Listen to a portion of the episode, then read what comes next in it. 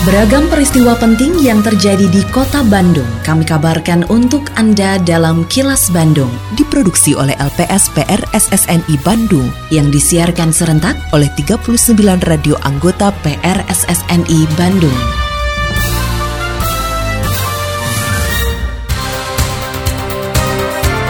Sejumlah informasi aktual kami hadirkan untuk Anda dan inilah informasi utamanya.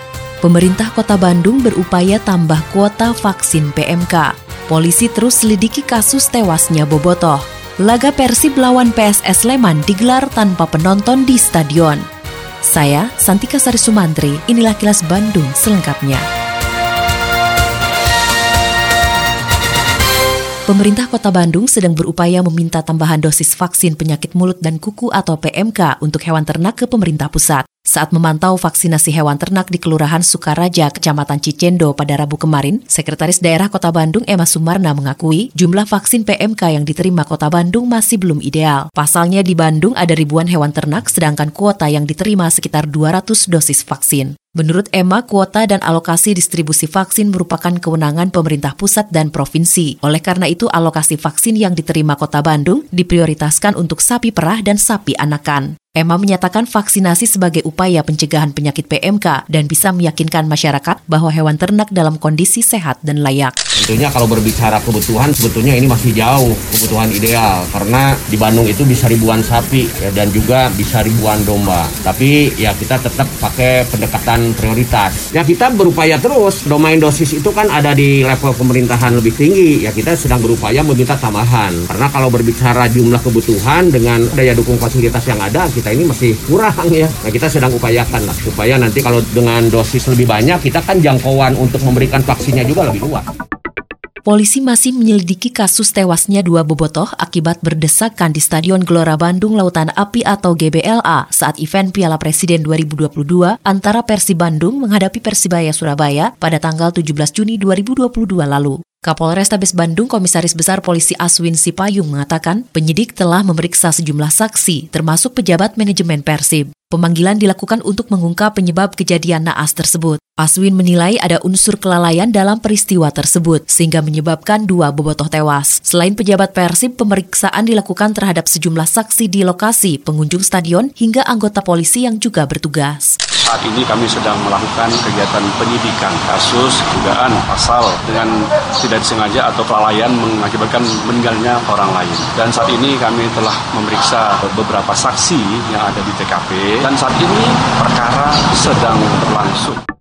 Laga perempat final Piala Presiden 2022 antara Persib Bandung kontra PSS Sleman akan digelar pada Jumat 1 Juli mendatang di Stadion Jalak Harupat Soreang, Kabupaten Bandung. Namun pertandingan digelar tanpa dihadiri penonton sebagai sanksi dari Komisi Disiplin Piala Presiden kepada panitia pelaksana pertandingan menyusul tewasnya dua orang bobotoh di Stadion Gelora Bandung Lautan Api atau GBLA beberapa waktu lalu. Kapolresta Bandung Komisaris Besar Polisi Kusworo Wibowo mengatakan, meski digelar tanpa penonton, pihaknya tetap akan melakukan penjagaan secara ketat di sejumlah titik akses menuju Stadion Sijalak Harupat. Polisi akan menghadang dan memutarbalikkan kendaraan bobotoh yang memaksa datang ke stadion. Setelah berubah menjadi tanpa penonton, tentunya kami fokuskan kepada rute-rute pertigaan perempatan yang menuju ke Stadion Jalak Harupat, yang fungsinya adalah melakukan penyekatan dan memutarbalikkan seandainya ada supporter yang datang. Kemudian kami juga minta bantuan teman-teman dari Boboto untuk mensosialisasikan kepada teman-teman supporter semua bahwa pertandingan tanggal 1 Juli nanti itu tanpa penonton. Hai wargi Bandung, kamu tahu nggak kalau Bandung Smart City sekarang punya aplikasi Bandung Super Apps namanya Sadayana atau Semua Digital Layanan Kota. Nah, ada menu apa aja sih di Bandung Sadayana?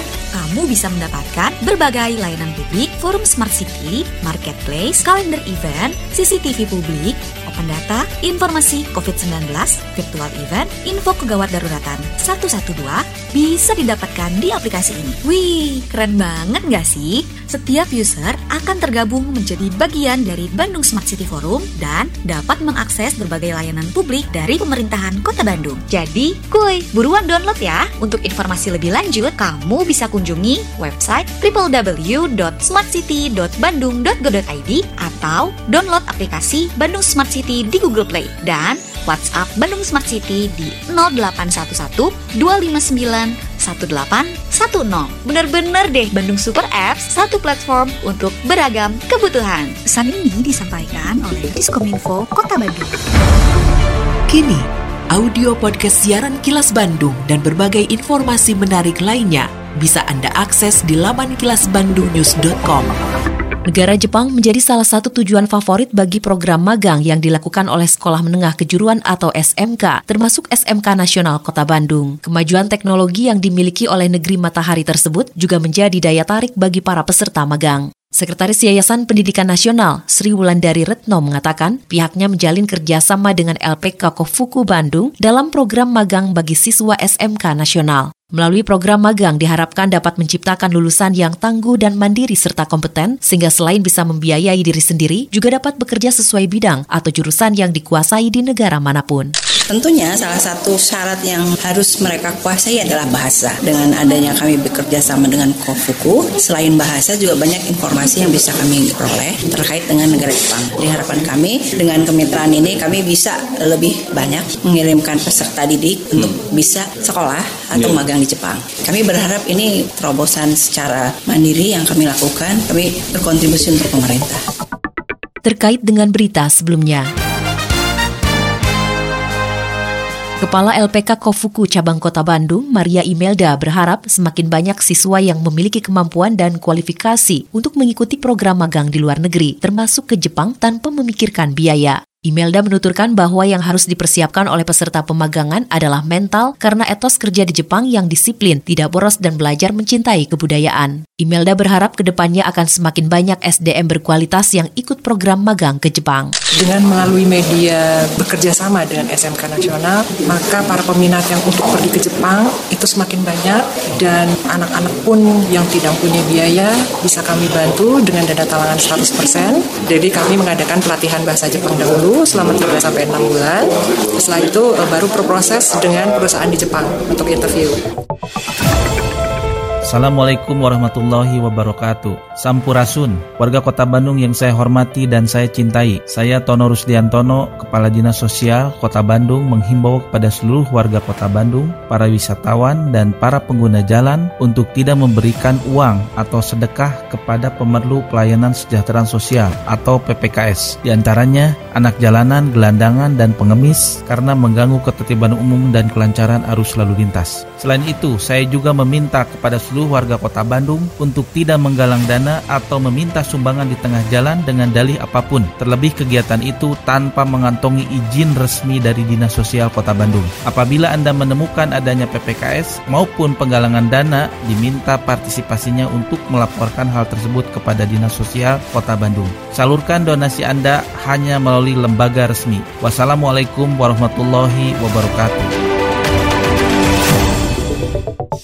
Assalamualaikum warahmatullahi wabarakatuh. Sampurasun dalam rangka meningkatkan promosi pariwisata, Disput Park Kota Bandung selalu menghadirkan informasi terkini dengan beberapa media yang digunakan untuk Instagram Live dilakukan setiap hari pada Instagram TIC.Bandung untuk siaran radio reguler setiap hari Jumat pukul 13 waktu Indonesia Barat untuk konten, foto, video, dan konten lainnya ada pada Instagram TIC.Bandung. Buat Anda yang ingin mencari informasi secara langsung, dapat langsung mengunjungi kantor turis Informasi Center di empat lokasi. Lokasi satu di kawasan Masjid Raya Bandung, Jalan Asia Afrika nomor nomor 78, lokasi 2 di kantor reservasi kawisata Stasiun Kereta Api Bandung, lokasi 3 di Bandara Husein Sastra Negara, dan lokasi 4 di Salapak Microshop Jalan Insinyur Haji Juanda nomor 10A Bandung.